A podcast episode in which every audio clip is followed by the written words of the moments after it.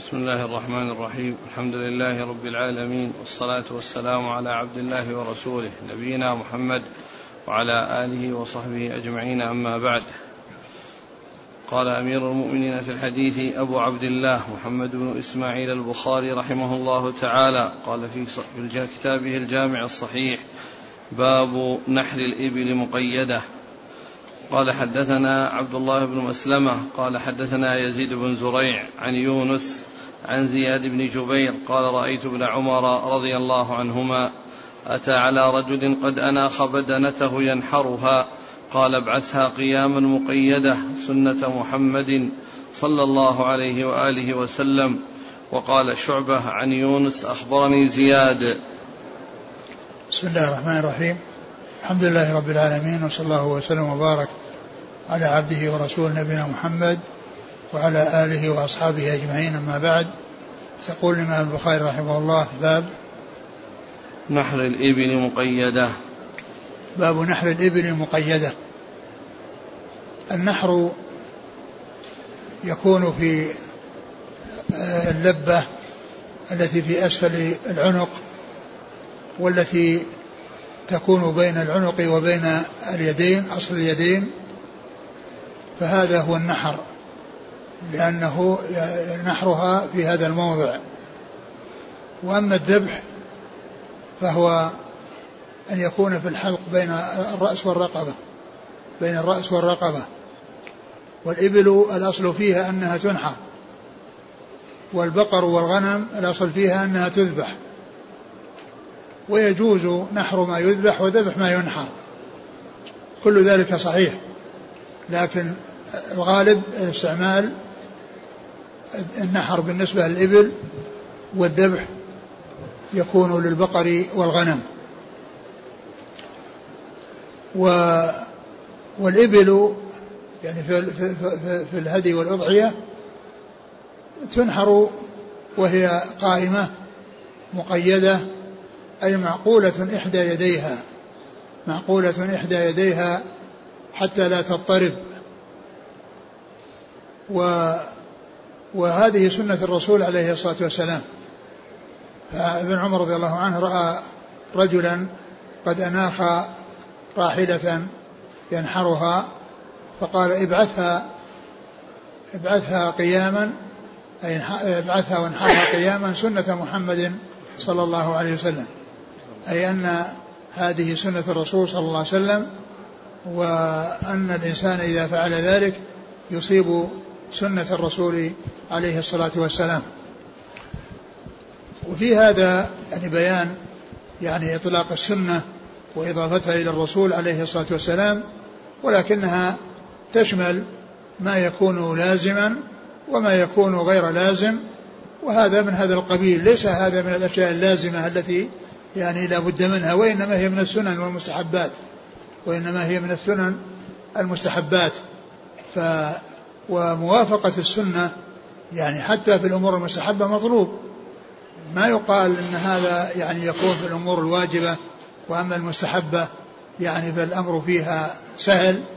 ينبغي أن يحافظ عليها وأن يحرص عليها ولكنها إذا تركت فإنه لا يحصل الإثم بتركها إلا إذا كان الترك رغبة عن السنة فإنه يكون الإثم بسبب هذه آه، الذي قام في قلبه. ويدخل ذلك تحت عموم قوله صلى الله عليه وسلم فمن رغب عن سنتي فليس مني.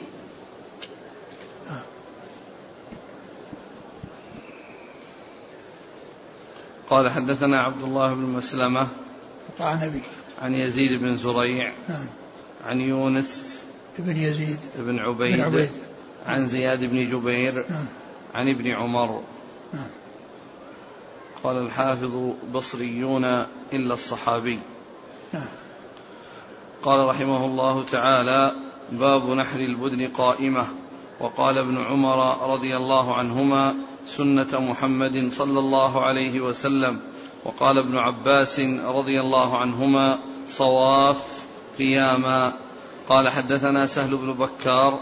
قال حدثنا وهيب عن أيوب عن أبي قلابة عن أنس رضي الله عنه أنه قال صلى النبي صلى الله عليه وآله وسلم الظهر بالمدينة أربعا والعصر بذي الحليفة ركعتين فبات بها فلما أصبح ركب راحلته فجعل يهلل ويسبح فلما علا على البيداء لبى بهما جميعا فلما دخل مكة أمرهم أن يحلوا ونحر النبي صلى الله عليه وآله وسلم بيده سبع بدن قياما وضحى بالمدينة كبشين أملحين أقرنين ثم ذكر باب نحر البدن قائمة باب نحر البدن قائمة باب نحر البدن قائمة يعني هذا يعني مثل الذي قبله يعني في ومعناه معناه وهو أنها تنحر عن قيام أي البدن في الهدايا والأضاحي تنحر عن قيام. وتكون معقولة إحدى اليدين.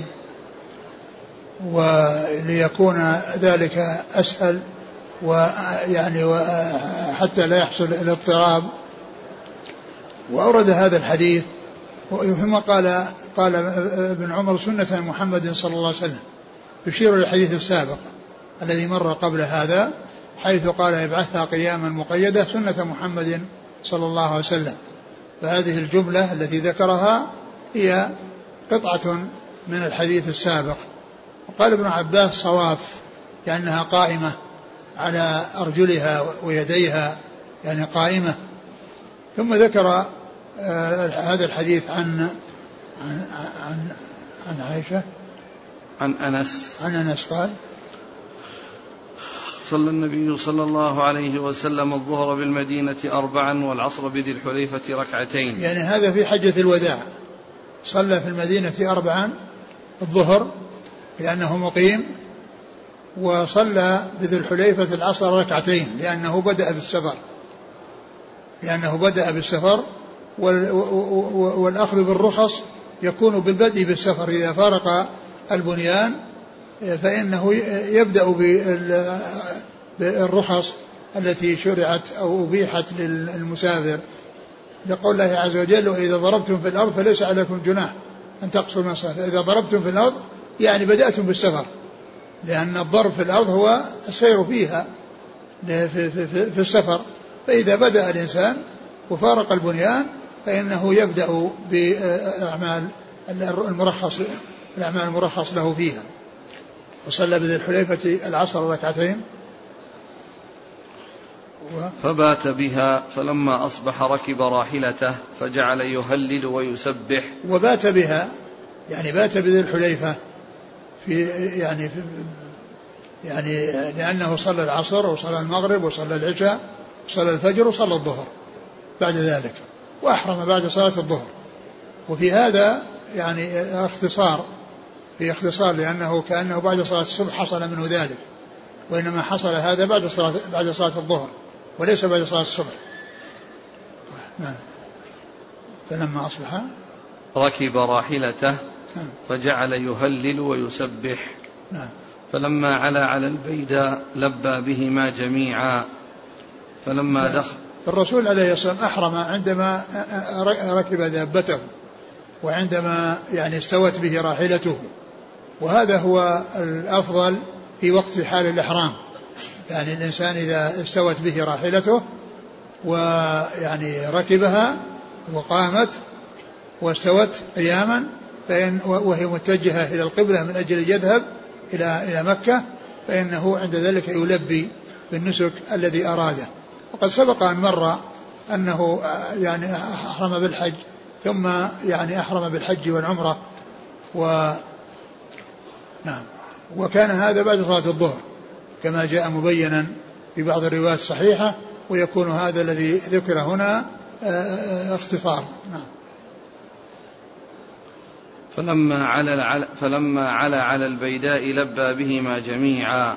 فلما دخل مكة أمر. على على البيداء يعني خرج من الوادي وصار يعني في المكان المرتفع الذي هو البيداء لبى بهما جميعا فقال لبيك عمرة وحجة.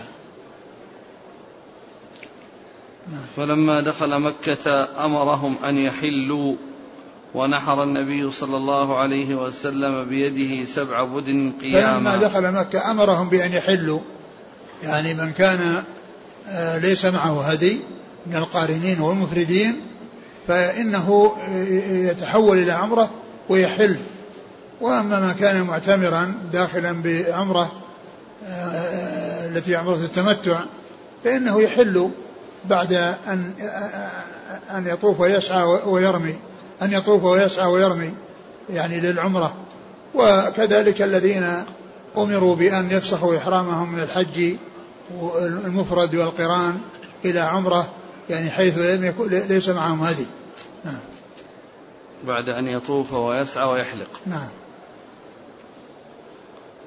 قال ذب نحر النبي صلى الله عليه وسلم بيده سبع بدن قياما.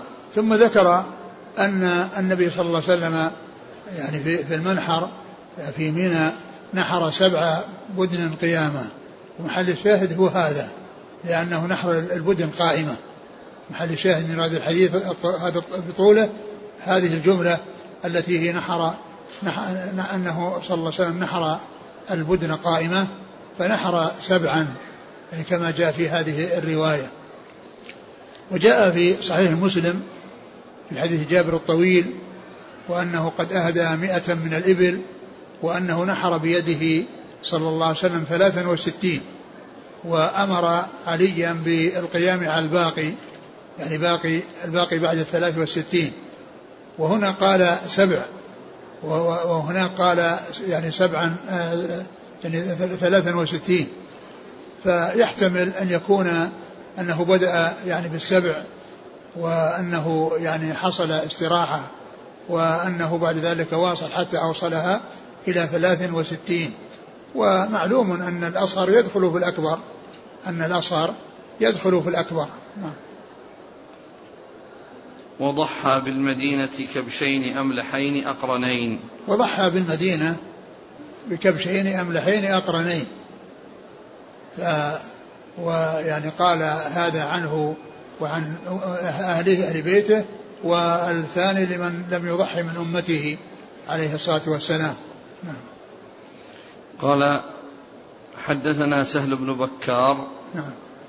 عن وهيب بن خالد عن أيوب بن أبي تميمة عن أبي قلابة عبد الله بن زيد الجرمي عن أنس نعم.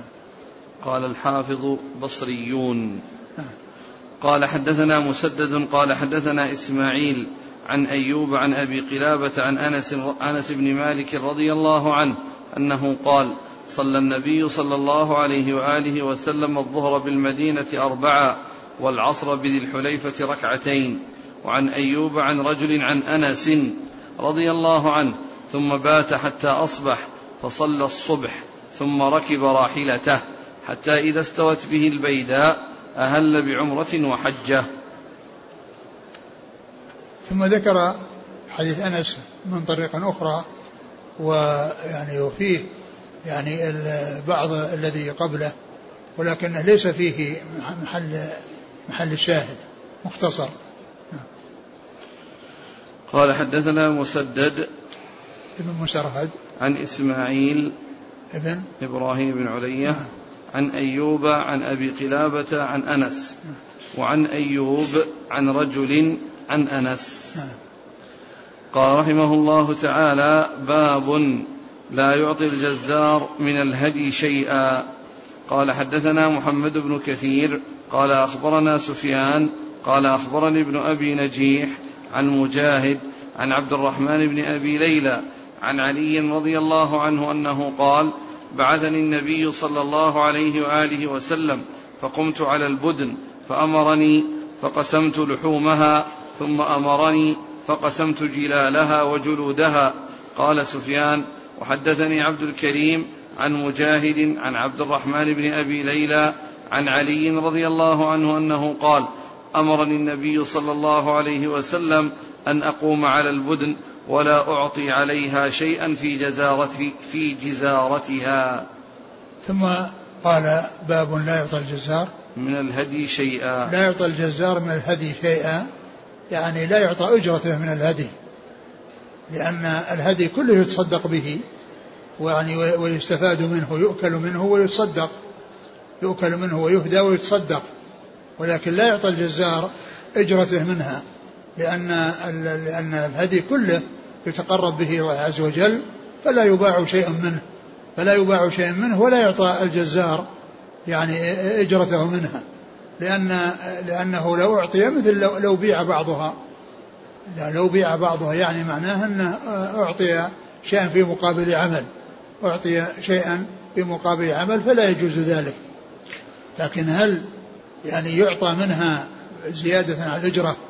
إذا كان فقيرا بعض أهل العلم قال إنه يعطى بأن المنع من أجل الجزارة ومنهم من قال إنه لا يعطى لأنه قد يكون هناك فيه مدارات من أجل آه، يعني مدارات في الأجرة من من أجل أنه يعطى منها شيء.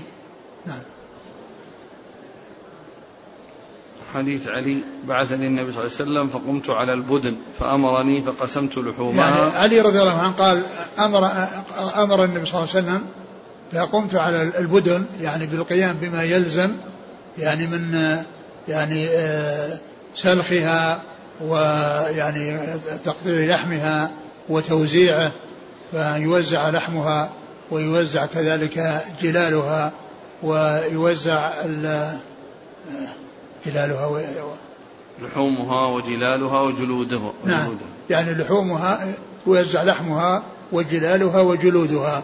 كل ما كان من الهدي وما يتعلق به فإنه يتصدق به فإنه يتصدق به.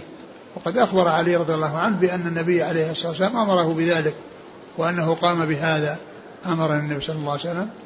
بعثني أمرني بعثني النبي صلى الله عليه وسلم فقمت على البدن نعم. فأمرني فقسمت لحومها ثم أمرني فقسمت جلالها وجلودها وقد جاء يعني في بعض في, في صحيح مسلم في حديث جابر الطويل أنه لما نحر مئة من الإبل ثلاثا وستين بيده والباقي يعني قام به علي رضي الله عنه أمر بأن يؤخذ من كل بعير آه، بضعة من اللحم وأن تطبخ في قدر يعني مئة قطعة فأكل يعني منها وشرب من مرقها أكل منها وشرب من مرقها ففي هذا أن أن يعني أنه يؤكل منها وأن الرسول صلى الله عليه وسلم آه، أكل منها. ومعنى أنه يتصدق بها يتصدق بالشيء الذي لا يأكله الإنسان والذي لا يستعمله الإنسان فإنه آه، يتصدق به ويعطى للفقراء والمساكين في الحرم. نعم. قال وأمرني أن أقوم على البدن ولا أعطي عليها شيئا في جزارتها. لا يعطي عليها شيئا في جزارتها يعني أجرة للجزارة. أجرة للجزار. فيعطى الأجرة من خارج يعني من غير اللحم ومن غير ما يتعلق بها يعني من من من كل ما يتعلق بها من اللحم والجلال والجلود فإن هذه يتصدق بها ولا يعطى الجزار منها وإنما يعطى أجرته من خارج من خارج الهدي نعم. قال حدثنا محمد بن كثير العبدي عن سفيان الثوري عن ابن أبي نجيح نعم عبد الله نعم. عن مجاهد بن جبر عن عبد الرحمن بن أبي ليلى نعم. عن علي نعم. قال سفيان وحدثني عبد الكريم بن مالك الجزري. عن مجاهد عن عبد الرحمن بن أبي ليلى عن علي. قال رحمه الله تعالى باب يتصدق بجلود الهدي. قال حدثنا مسدد قال حدثنا يحيى عن ابن أبي عن ابن جريج. قال أخبرني الحسن بن مسلم وعبد الكريم الجزري أن مجاهدا أخبرهما أن عبد الرحمن بن أبي ليلى أخبره أن عليا رضي الله عنه أخبره أن النبي صلى الله عليه وآله وسلم أمره أن يقوم على بدنه وأن يقسم بدنه كلها لحومها وجلودها وجلالها ولا يعطي في جزارتها شيئا. ثم ذكر باب يتصدق, يتصدق بجلود الهدي. يتصدق بجلود الهدي. يعني يتصدق بجلود الهدي. لأن جلود الهدي تابعة للهدي كما يصدق بلحمه يصدق بجلوده وجلاله. يصدق بجلوده وجلاله. ولكن البخاري رحمه الله يفرق الأحاديث ويعني يترجم بعض ما اشتملت عليه الحديث بترجمة ويورد الحديث من طريق أخرى آه، تختلف عن غيرها من الطرق آه، للاستدلال به على جزئية معينة. مما جاء في الحديث و وأورد حديث علي رضي الله عنه أن النبي صلى الله عليه وسلم أمره بأن يتصدق بلحومها وجلالها وجلودها كلها وعرفنا أن الرسول صلى الله عليه وسلم قد طبخ له شيء من لحمها وأنه شرب من مرقها وأكل من لحمها صلوات الله وسلامه وبركاته عليه. وكذلك أيضا الحديث هذا فيه ما في الذي قبله من عدم إعطاء الجزار أجرته منها.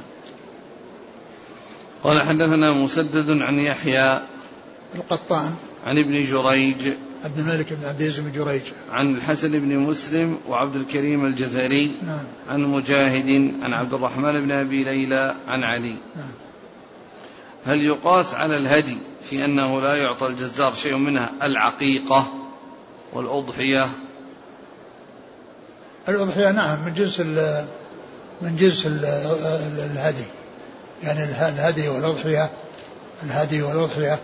يعني وكذلك أيضا الذي ينبغي أن أيضا العقيقه مثلها لأنها يعني يؤكل منها ويتصدق. فيعني الذي ينبغي أن تكون خارج خارج العقيقه الاجره يعطي يعطي الاجره ويمكن أن يعطيه إذا كان محت... إذا كان فقيرا. يقول هل يمكن هل يمكن أن أعطي الجلد لشخص أعرف أنه سيبيعه؟ والله إذا كان فقيرا إذا كان فقيرا يعني أنت تعطيه إياه سواء باعه أو أو استعمله.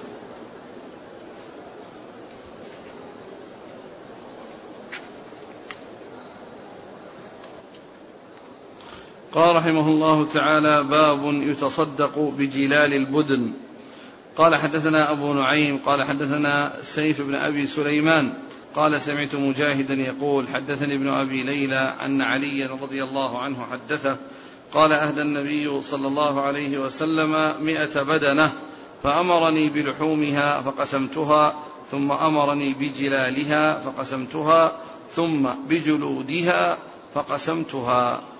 ثم قال يتصدق بجلال الإبل بجلال البدن. التي هي هدي والجلال هو ما يوضع على على ظهرها.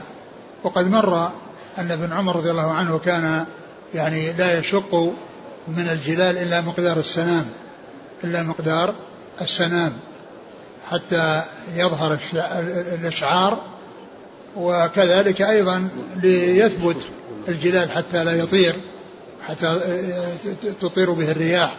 فإذا كان مثبتا على عليها والسنام ظاهر والباقي مستور ف فهذه الأجلة التي توضع على الإبل فإنها آه، يتصدق بها ولا يعني يستعملها الإنسان فهي مثل الجلود يعني كما جاء في الحديث في هذه في رواياته المتعددة أنه يتصدق بالجلود والجلال نعم. قال حدثنا أبو نعيم الفضل بن دكين. عن سيف بن أبي سليمان نعم. عن مجاهد عن ابن أبي ليلى عن علي. قال رحمه الله تعالى باب وإذ بوأنا لإبراهيم مكان البيت ألا تشرك بي شيئا وطهر بيتي للطائفين والقائمين والركع السجود وأذن في الناس بالحج يأتوك رجالا وعلى كل ضامن يأتين من كل فج عميق. ليشهدوا منافع لهم ويذكروا اسم الله في أيام معلومات على ما رزقهم من بهيمة الأنعام. فكلوا منها وأطعموا البائس الفقير ثم ليقضوا تفثهم وليوفوا نذورهم وليطوفوا بالبيت العتيق. ذلك ومن يعظم حرمات الله فهو خير له عند ربه. قال رحمه الله تعالى باب ما يأكل من ما يأكل من البدن وما يتصدق. وقال عبيد الله أخبرني نافع عن ابن عمر رضي الله عنهما لا يؤكل من جزاء الصيد والنذر ويؤكل مما سوى ذلك. وقال عطاء يأكل ويطعم من المتعة.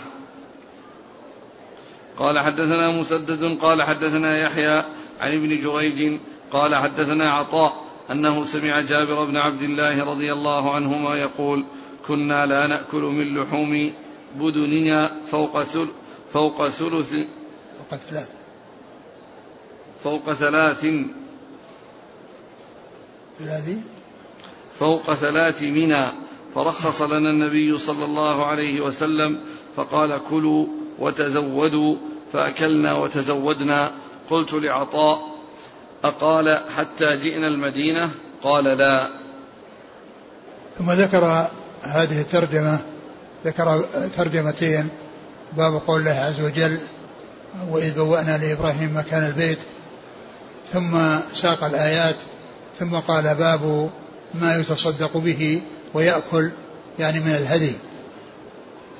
هاتان الترجمتان جاءت في بعض النسخ وفي بعض النسخ حذف الباب الثاني وأن الترجمة واحدة يعني تتعلق بالأكل والتصدق من الهدي.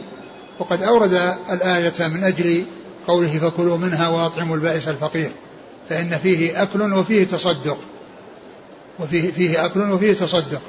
والذي مر في الأحاديث يعني أن النبي صلى الله عليه وسلم أمر عليا بأن يتصدق بلحمها وبكل لحمها يعني أنه يستثنى من ذلك يعني ما يأكله الإنسان ومما أبيح له يعني حيث أبيح له أكله و وقد جاء أن النبي عليه الصلاة والسلام أمر بأن يطبخ من كل بدنة بضعة يعني مئة قطعة وشرب من من من من, من مرقها وأكل من لحمها صلوات الله وسلامه وبركاته عليه.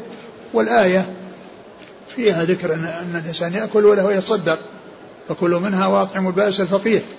ثم ذكر يعني يعني الحديث يعني بعد ذلك. وهذه وهذه الترجمة الثانية هي متعلقة بها. وعلى أنها باب واحد يعني بعدما ساق الآية يعني قال البخاري وما يأكل وما يتصدق. وما يأكل وما يتصدق. وأن الآية فيها الأكل وفيها التصدق ثم ذكر الحديث الذي بعد ذلك الذي يدل عليه على هذا. والحافظ بن حجر ذكر أن هذا جاء في بعض النسخ وأنه جاء في بعضها يعني حذف الباب قال وهو الأولى. يعني وهذا أقوى. يعني كونه يصير باب واحد كله يتعلق بالأكل والإطعام. لأن الآية فيها الأكل والإطعام والذي بعده يتعلق بالأكل والإطعام.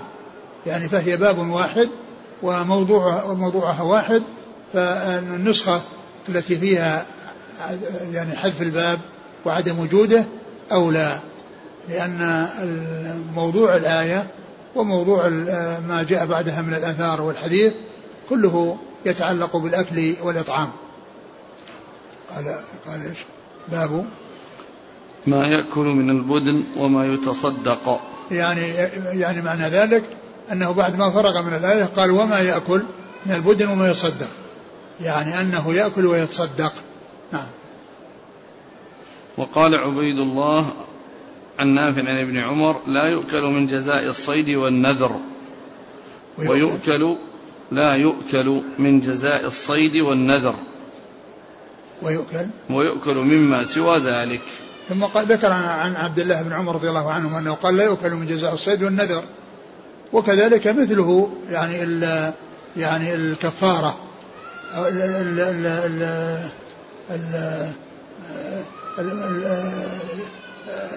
الذي هو يعني مقابل يعني ارتكاب محظور فإنه لا يأكل منه. يعني مثل الإنسان إذا غطى رأسه يعني فإنه يخير بين ثلاثة أشياء ومنها يعني ذبح شاة وإطعام ستة مساكين أو صيام ثلاثة أيام. فإنه يعني كذلك لا يأكل من هذا.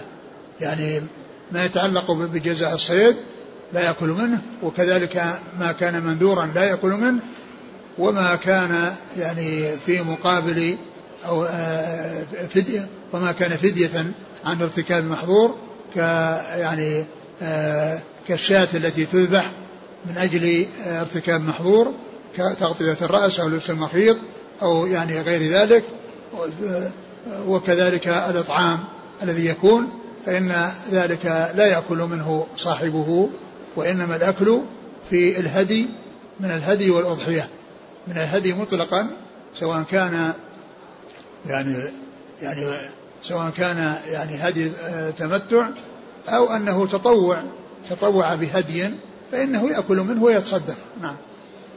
لكن الأكل ليس بلازم. الأكل ليس بلازم لأن النبي صلى الله عليه وسلم ما أكل من كل هديه وإنما أكل يعني لأنها مئة قطعة أكل منها ما أكل فلم يأكل من كل هديه. وكذلك أيضا الهدي الذي أرسله الرسول صلى الله عليه وسلم من المدينة وذبح في, في, في مكة ووزع فإنه لم يأكل منه شيئا. فالأكل ليس بلازم. لكن الإنسان يعني يسوغ له أن يأكل. وقد جاء في القرآن فكلوا منها وأطعموا البائس الفقير. لكن الأكل ليس بلازم. نعم. وقال عطاء يأكل ويطعم من المتعة. وقال عطاء يأكل ويطعم من المتعة التي هي يعني هدي التمتع. التي هي التي هي هدي التمتع يأكل ويطعم. نعم. عن جابر قال كنا لا نأكل من لحوم بدننا فوق ثلاث منا. فرخص لنا النبي صلى الله عليه وسلم فقال كلوا وتزودوا فأكلنا وتزودنا. يعني هذا ذكر حديث جابر أنه قال كنا لا نأكل من, من لحوم هدينا فوق ثلاث منى. يعني أنهم يأكلون في أيام منى الثلاثة وأنهم لا يدخرون شيئا ولا يبقون شيئا يأكلونه بعد ذلك وإنما كانوا يأكلون. ففيه إثبات الأكل وأنهم كانوا يأكلون. وإنما أنهم لا يأكلون يعني شيئا بعد الثلاث. وإلا فالأصل فالأكل حاصل في قوله كنا لا يعني أنهم لا يأكلون يعني فوق ثلاثمائة يعني في الثلاث يأكلون. ثم بعد ذلك نسخ يعني هذا الأمر الذي هو يتعلق بكونهم لا يأكلون وإنما لهم أن يأكلوا ولهم أن يتزودوا. لهم أن يأكلوا وأن يتزودوا بعد ذلك. ونسخ هذا. وكذلك بالنسبة للأضاحي فإنهم أمروا يعني أن يدخروا شيئا فوق ثلاث. وقد نسخ ذلك في حديث بريدة بن الحصيب الذي فيه في صحيح مسلم وفيه ثلاثة ثلاثة أمور آه، نسخت وقد جمع فيها بين النسخ والناسخ بين الناسخ والمنسوخ. وهو حديث بريدة بن الحصيب أنه قال يعني نهينا عن اتباع نهينا عن نهينا عن الجنائز عن زيارة القبور. إيش الحديث؟ كنت نهيتكم عن زيارة القبور ألا كنت فزوروها كنت نهيتكم عن زيارة القبور فزوروها.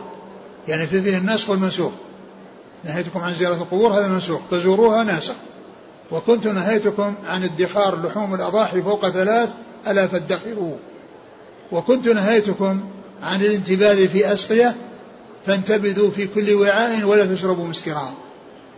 فانتبذوا في كل وعاء ولا تشربوا مسكرا. إنهم كانوا قبل ذلك قبل نهوا عن أن ينبذوا في في الدبة والحنتم والمزفت ويعني والنقير و ثم بعد ذلك أبيح لهم أن أن ينبذوا في كل وعاء لكن بشرط ألا يشربوا مسكرا. لأنه كان في أول الأمر نهوا عن الانتباه في هذه الأوعية السميكة التي قد يحصل الإسكار فيها ولا ينتبه له. وكانوا وينتبذون في الجلود والجلود يعني لينة ورطبة وإذا حصل تغير في داخلها ظهر على سطحها. فذاك أذن لهم فيه. ولكنه بعد ذلك أذن لهم ورخص لهم بأن ينتبذوا في كل وعاء بشرط ألا يشربوا مسكرا. إذا لحوم الهدي يعني كان كانوا لا يعني هو أن يتزودوا يعني آه، أو أن ينتفعوا إلا في حدود أيام منها الثلاثة وبعد ذلك رخص لهم أن يتزودوا.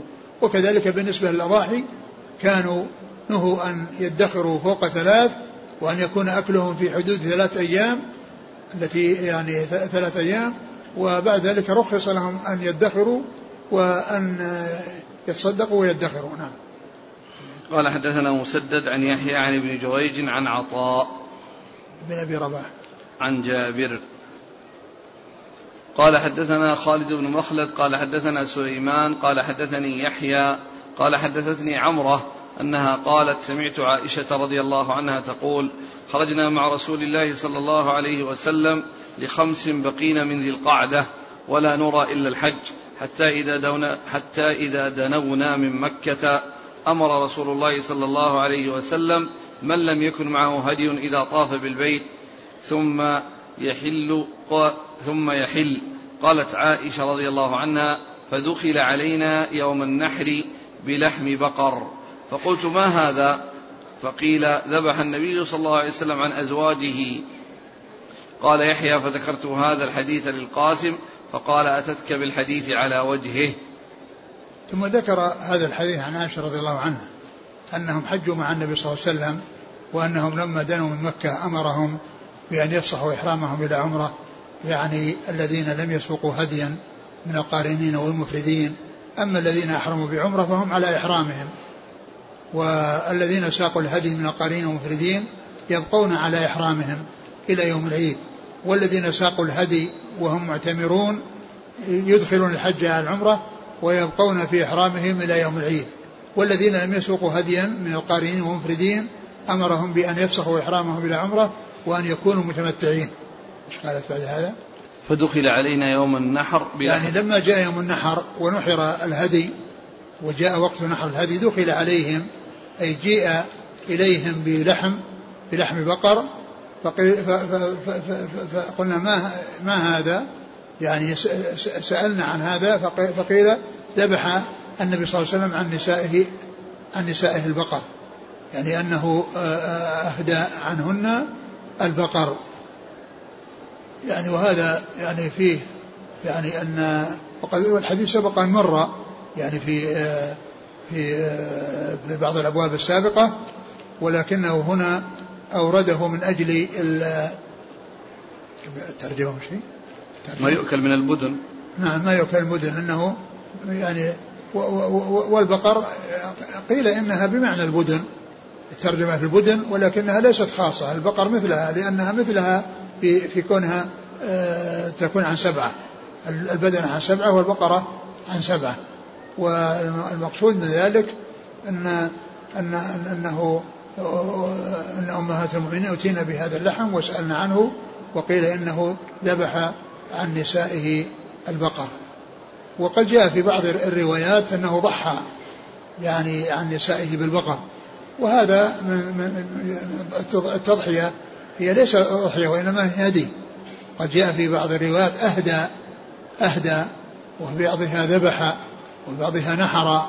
والمقصود من ذلك أن أن أن, أن هذه هدي وليست أضاحي وليست أضاحي يعني في مكة. وإنما مقصود الهدي ولكن هذا من يعني من, من, من الرواية بالمعنى أو متصرف بعض الرواة وأن المقصود بما, بما حصل في منى من هذا اللحم الذي هو لحم بقر إنما هو هدي. نعم. قال حدثنا خالد بن مخلد القطواني عن سليمان بن بلال عن يحيى بن سعيد الأنصاري عن عمرة بنت عبد الرحمن. عن عائشة. نعم. قال الحافظ مدنيون. نعم. إذا نذر الإنسان أن يذبح شاة إذا نجح في الامتحان ونجح فهل له أن يأكل من لحم الشاة؟ لا لا يأكل. لا يأكل من لحم الشاة لأن النذر هو للفقراء. قال رحمه الله تعالى باب الذبح قبل الحلق. قال حدثنا محمد بن عبد الله بن حوشب قال حدثنا هشيم قال أخبرنا منصور عن عطاء عن ابن عباس رضي الله عنهما أنه قال سئل النبي صلى الله عليه وسلم عمن حلق قبل أن يذبح ونحوه فقال لا حرج لا حرج. ثم ذكر باب الذبح قبل الحلق. باب الذبح قبل الحلق. الذبح قبل الحلق هذا هو الذي فعله الرسول عليه الصلاة والسلام. والرسول عليه الصلاة والسلام فيما يتعلق بأعمال يوم النحر الأربعة يعني رتبها حيث رمى ثم نحر ثم حلق ثم طاف عليه الصلاة والسلام. هذا هو الترتيب الذي رتبه الرسول صلى الله عليه وسلم. رمى ثم نحر ثم حلق ثم طاف. ويجمع يعني وهذا الترتيب يمكن أن يعرف بكلمة تشتمل على أوائل الحروف تشتمل على أوائل حروف آه، هذه الكلمات فالراء وهي رنحط الراء للرمي ثم النون للنحر ثم الحال للحلق ثم ثم الطاء للطواف.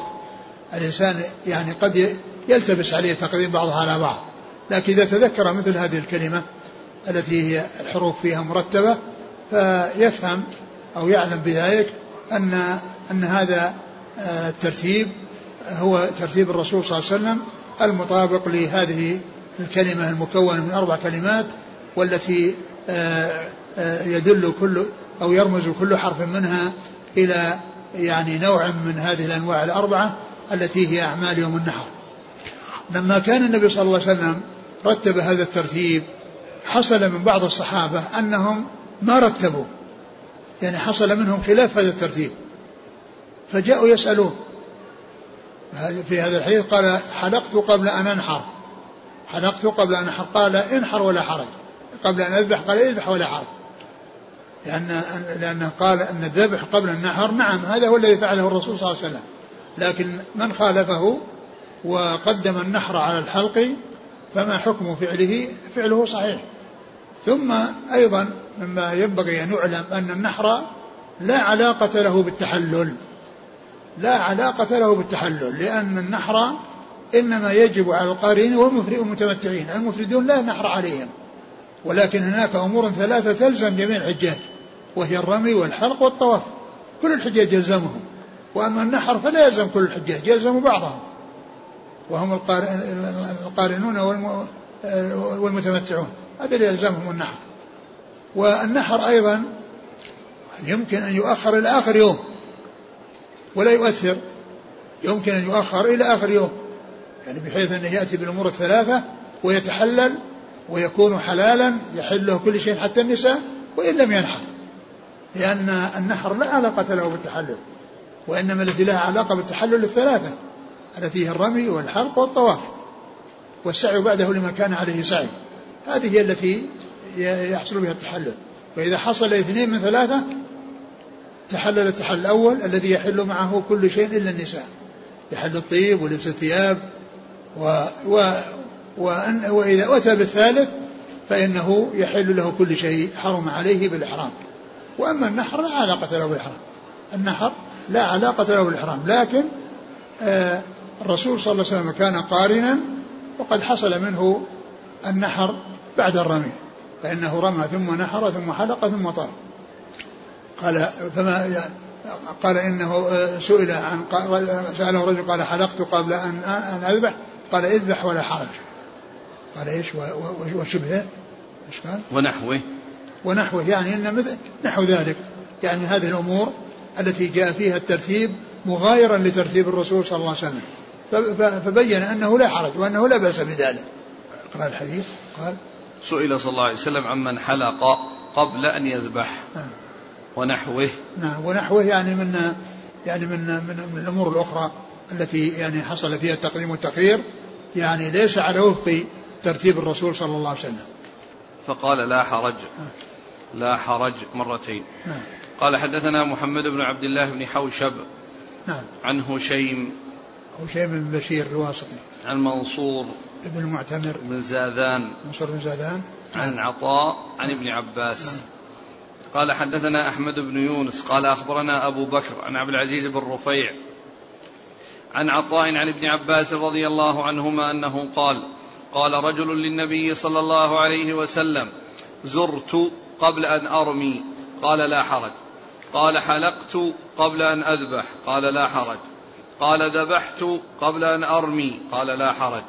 وقال عبد الرحيم الرازي عن ابن خثيم قال أخبرني عطاء عن ابن عباس رضي الله عنهما عن النبي صلى الله عليه وآله وسلم. وقال القاسم بن يحيى قال حدثني ابن خثيم عن عطاء عن ابن عباس عن النبي صلى الله عليه وآله وسلم. وقال عفان أراه عن وهيب قال حدثنا ابن خثيم عن سعيد بن جبير عن ابن عباس رضي الله عنهما عن النبي صلى الله عليه وآله وسلم وقال حماد عن قيس بن سعد وعباد بن منصور عن عطاء عن جابر رضي الله عنه عن النبي صلى الله عليه وسلم. ثم ثم ذكر هذا الحديث عن ابن عباس رضي الله عنهما وأن النبي صلى الله عليه وسلم سئل عدة أسئلة وهي أسئلة تتعلق بمخالفة أو عدم موافقة الترتيب الذي حصل من رسول الله صلى الله عليه وسلم. فجاء يعني فسأل الرجل قال زرت قبل أن أرمي.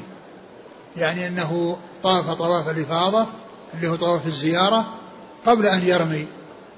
وهذا يدل على أنه يجوز الإنسان إذا انصرف من مزدلفة يعني أن له أن يذهب إلى مكة رأسا ويطوف ويسعى لا سيما إذا كان مع الناس نساء يخشى عليهن من من حصول العادة لهن فيحصل الامتناع والتأخر بسبب ذلك. فإن يعني هذا يدل على أن ذلك سائر لأن لأن الرسول سئل عن الذي زار قبل أن يرمي. يعني ذهب لمكة رأسا من مزدلفة وطاف طواف الإفاضة وسعى إذا كان عليه سعي. فقال عليه السلام ارمي ولا حرج. يعني هذا الذي فعلته وتسأل أنك قدمت عليه افعله ولا حرج. يعني افعله بعد ذاك الذي فعلته. افعله أي الذي هو الرمي بعد الطواف. الذي هو طواف الزيارة. نعم. قال إرمي ولا حرج الثاني. قال حلقت قبل أن أذبح. وهذا مطابق للحديث الذي سبق. حلقت قبل أن أذبح قال إذبح ولا حرج. قال ذبحت قبل أن أرمي. وقال ذبحت قبل أن أرمي. قال ارمي ولا حرج. نعم. قال حدثنا أحمد بن يونس. وقد جاء أنه ما سئل عن شيء قدم ولا أخر في ذلك اليوم إلا قال لا حرج. نعم.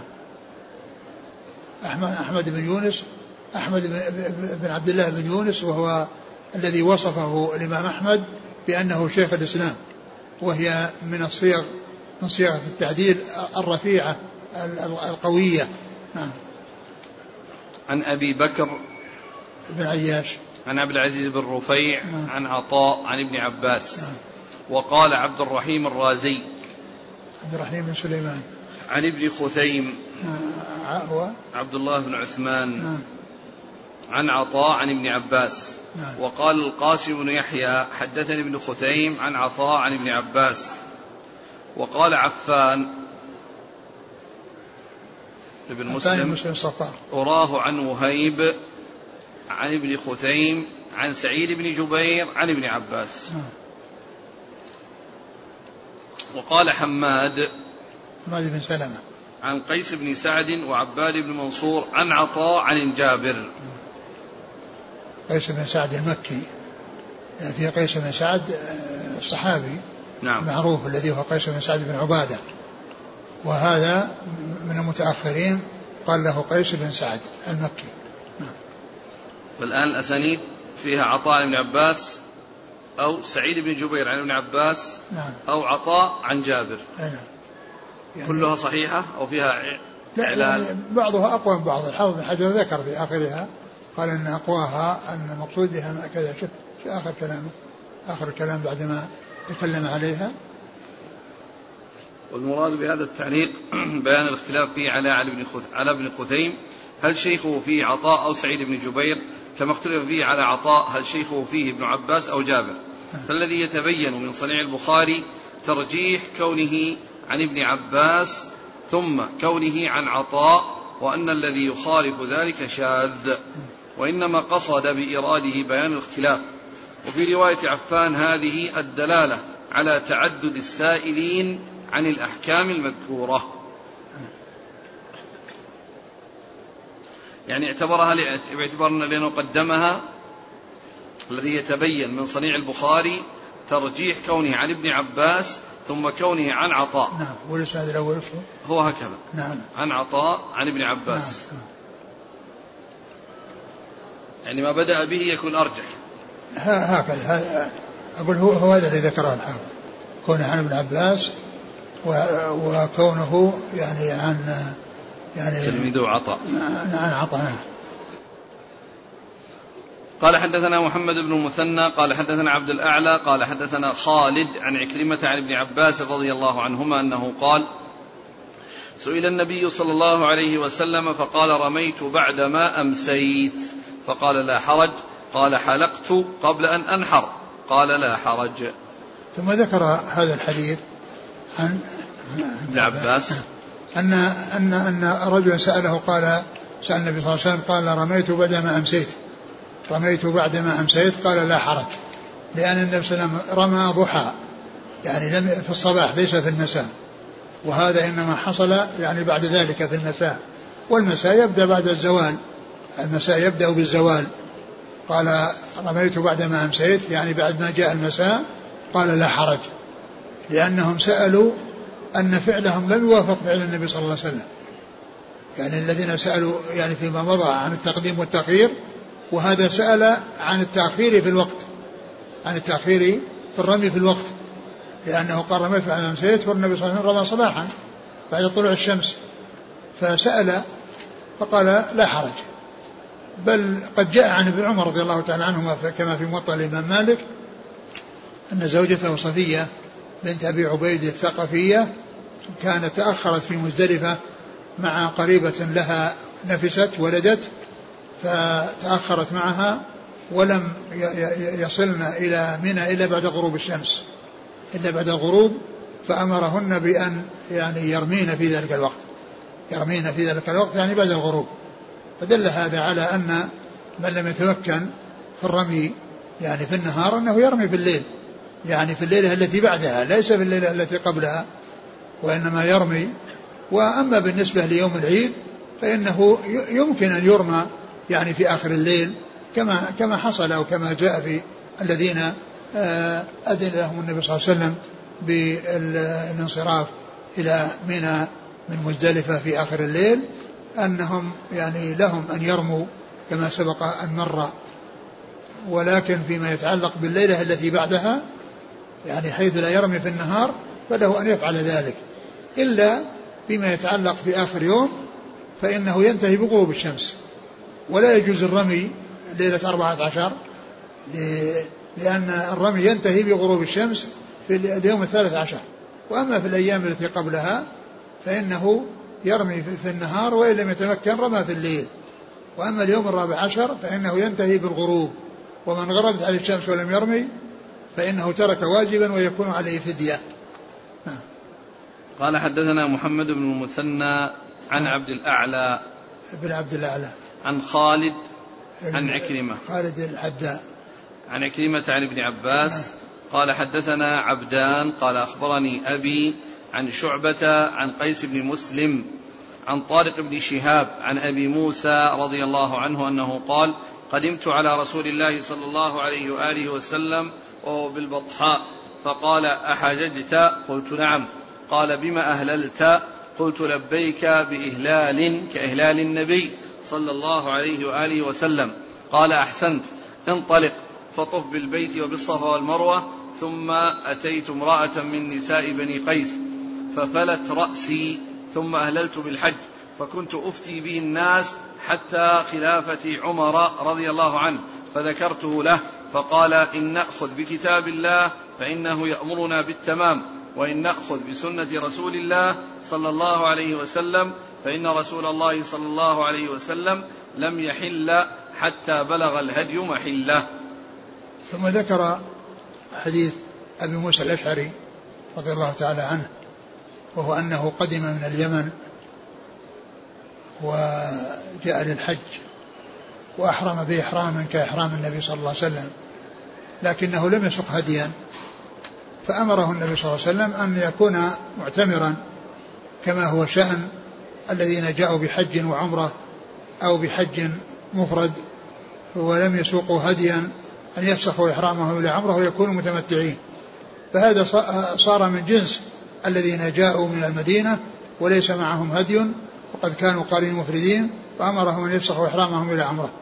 فلما آه، جاء أبو موسى وسأله النبي صلى الله عليه وسلم عن إحرامه فقال به إهلال كإهلال النبي صلى الله عليه وسلم ولم يكن معه هدي قال أحسنت اذهب وطف بالبيت واسعى بين الصفا والمروة وتحلل.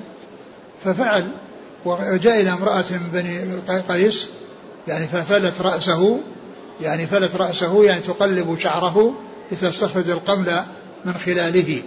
وهذا يعني بلا شك محمول على أن هذه المرأة من محارمه وأنها ليست أجنبية لأن الأجنبية لا يجوز الخلوة بها ولا يجوز أن تمس الرجل أو يمسها.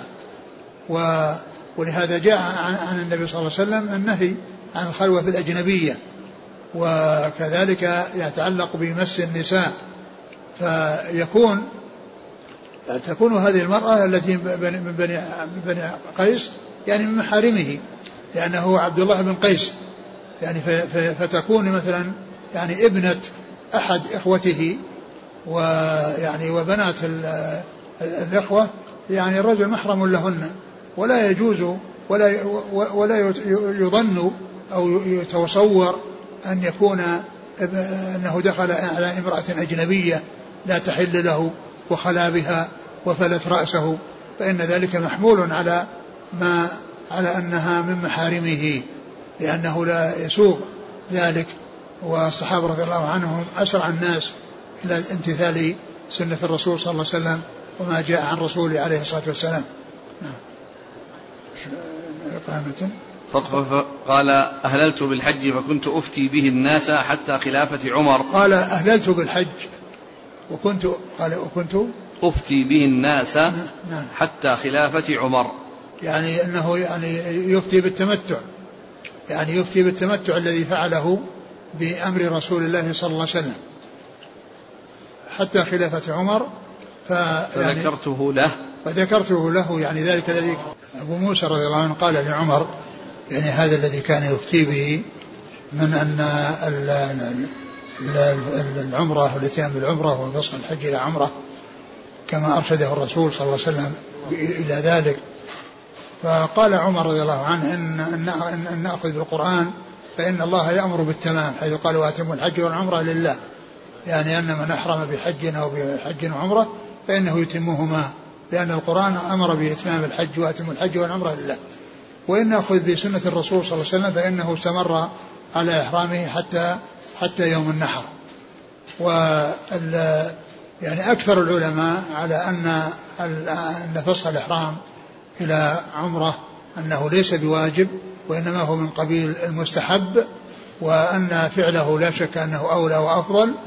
لأن الرسول صلى الله عليه وسلم أرشد إليه وتمناه كما قال لو استقبلت من أيام استدبرت لما سقت الهدي ولولا أن معي الهدي لأحللت ولجعلته عمرة.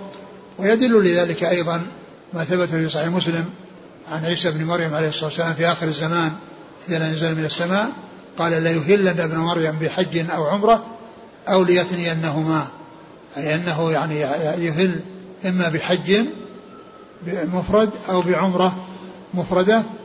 التي هي عمرة التمتع أو ليثنينهما أي يجمع بينهما فيكون قارنا. فدل على حكم هذه الأنساك وأنها مستمرة وأنها يعني باقية إلى آخر الزمان. نعم. قال حدثنا عبدان. هو عبد الله بن عثمان المروزي. عن أبيه. عثمان بن جبلة. عن شعبة عن قيس بن مسلم. عن طارق بن شهاب نعم. عن أبي موسى. نعم. قال رحمه الله تعالى باب من لبد رأسه عند الإحرام وحلق. والله تعالى أعلم وصلى الله وسلم وبارك على عبده ورسوله نبينا محمد وعلى آله وأصحابه أجمعين. جزاكم الله خيرا وبارك الله فيكم. همكم الله الصواب وفقكم للحق. شافاكم الله وعافاكم ونفعنا الله بما سمعنا غفر الله لنا ولكم وللمسلمين أجمعين. من حيث الترجمة الذبح قبل الحلق. يعني هذا, هذا يعني هذا الذبح قبل الحلق يعني هو الأصل. يعني هو الأصل ولكنه يعني آه، آه، إذا حصل شيء خلافه هذا هو الذي آه، الذي أشكل على الصحابة. لأنهم فعلوا يعني خلاف خلاف ذلك لأنه قال حلقت قبل أن أذبح. يعني الأصل أن الذبح قبل. السؤال عن لأن الرسول ذبح قبل أن أن يحلق. فالذبح هذا هو الأصل. لأن الرمي ثم الذبح ثم الحلق ثم الطواف.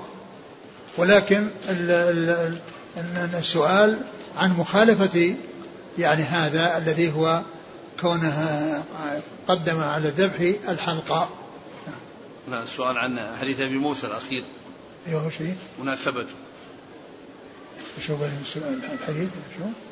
حديث أبي موسى أهللت بالحج فقدمت على النبي صلى الله عليه وسلم فقال أحججت؟ قلت نعم. قلت كأهلال كأهلال النبي صلى الله عليه وسلم. قال أحسنت فانطلق فطف بالبيت وبالصفا والمروة. ثم أتيت امرأة من نساء بني قيس فقل ففلت رأسي. ثم أهللت بالحج فكنت أفتي به حتى خلافة عمر. وقال إن نأخذ بكتاب الله فإنه يأمرنا بالتمام وإن نأخذ بسنة رسول الله صلى الله عليه وسلم فإنه لم يحل حتى بلغ الهدي محلة. شوف إيش ذكر. ذكر شيء فلما حديث أبي موسى وقد تكلم عليه تقدم الكلام عليه ومطابقته للترجمة من قول عمر فيه لم يحل حتى بلغ الهدي محلة. لأن بلوغ الهدي محلة يدل على ذبح الهدي فلو تقدم الحلق عليه لصار متحللا قبل بلوغ الهدي محله. وهذا هو الأصل وهو تقديم الذبح على الحلق. وأما تأخيره فهو رخصة كما سيأتي. إذا هذا هو. حللته قبل حتى يبلغ الهدي محله؟ لم يحل حتى بلغ الهدي محله. لم يحل يعني الذي هو بالحلق حتى يبلغ الهدي محله. الأخ يقول الآن بالنسبة للمسالخ الموجودة لا تعطيك الجلد إلزاما يعني تأخذ الذبيحة منك أبدا تدفع الأجرة ثم تعطيك اللحم بكيسه. لو طالبت بالجلد ما أعطوك. شيء متعارف عليه أن الجلود تأخذها المسلخ. على كل يعني الإنسان الذي إذا كان لا يقدر إلا على هذا يعني هو معذور. أقول معذور يعني. ثم أيضا لو أعطوه الجد ماذا يصنع به؟ يعني يعني يمكن يعطيها أحد يعني يستفيد لكن يعني كونه يعني لا يقدر عليه وأنهم لا يمكنونه هو معذور وقد يكون إنها يعني هذه إنها إنها يتصدق بها. إهداء النبي صلى الله عليه وسلم البقر عن زوجاته. يعني كان المراد به الجنس هنا عن كل امرأة بقرة. لا بالاشتراك. يعني احتمال لكن الغالب إنه الاشتراك لأنه لأنه جاء في بعض الروايات بقرة. شوف الشرح قال فيه تنصيص على ذكر بقرة. وسبق أن مر بنا أن الهدي يكون إما بدنة وإما بقرة وإما شاة وإما شرك في دم. يعني معناه إنه لو لو فعل عن عن الرجل أو المرأة يعني بدنة كاملة أو بقرة كاملة فإن ذلك جائز. لكنه لا يجب إلا شاة أو سبع بدنة أو سبع بقرة والباقي يعني هو تطوع. قال ابن بطال أخذ بظاهره جماعة فأجازوا الاشتراك في الهدي والأضحية ولا حجة فيه لأنه يحتمل أن يكون عن كل واحدة بقرة. وأما رواية يونس عن الزهري عن عمرة عن عائشة أن صلى الله عليه وسلم نحر عن أزواجه بقرة واحدة. فقد قال إسماعيل القاضي تفرد يونس بذلك وقد خالفه غيره. ورواية يونس أخرجها النسائي وأبو داود وغيرهما ويونس ثقة حافظ ثقة حافظ. وقد تابعه معمر عند النسائي أيضا ولفظه أصرح من لفظ يونس. قال ما ذبح عن آل محمد في حجة الوداع إلا بقرة. وروى النسائي أيضا من طريق يحيى أبي كثير عن أبي سلمة عن أبي هريرة قال ذبح صلى الله عليه وسلم عمن اعتمر من نسائه في حجة الوداع بقرة بينهن. صححه الحاكم وهو شاهد قوي لرواية الزهري. وأما رواية عمار الدهني عن عبد الرحمن بن القاسم عن أبيه عن عائشة قالت ذبح عنا رسول الله صلى الله عليه وسلم يوم حججنا بقرة بقرة أخرجه النسائي فهو شاذ مخالف لما تقدم. وقد روى المصنف في الأضاحي ومسلم أيضا من طريق ابن عيينة عن عبد الرحمن القاسم بلفظ ضحى رسول الله صلى الله عليه وسلم عن نسائه البقر. ولم يذكر ما زاده عمار الدهني. وأخرجه مسلم أيضا من رواية عبد العزيز الماجشون بلفظ أهدى بدل ضحى. والظاهر أن التصرف من الرواة لأنه ثبت في الحديث ذكر النحر فحمله بعضهم على الأضحية. فإن رواية أبي هريرة صريحة في أن ذلك كان عمن اعتمر من نسائه فقويت, فقويت رواية من رواه بلفظ أهدى. وتبين أنه هدي التمتع فليس فيه حجة على مالك في قوله لا ضحايا على أهل منى. وتبين أنه هدي التمتع فليس فيه حجة على مالك في قوله لا ضحايا على أهل منى. هو لا شك لا ليس عليهم ضحايا لا يجب عليهم ضحايا.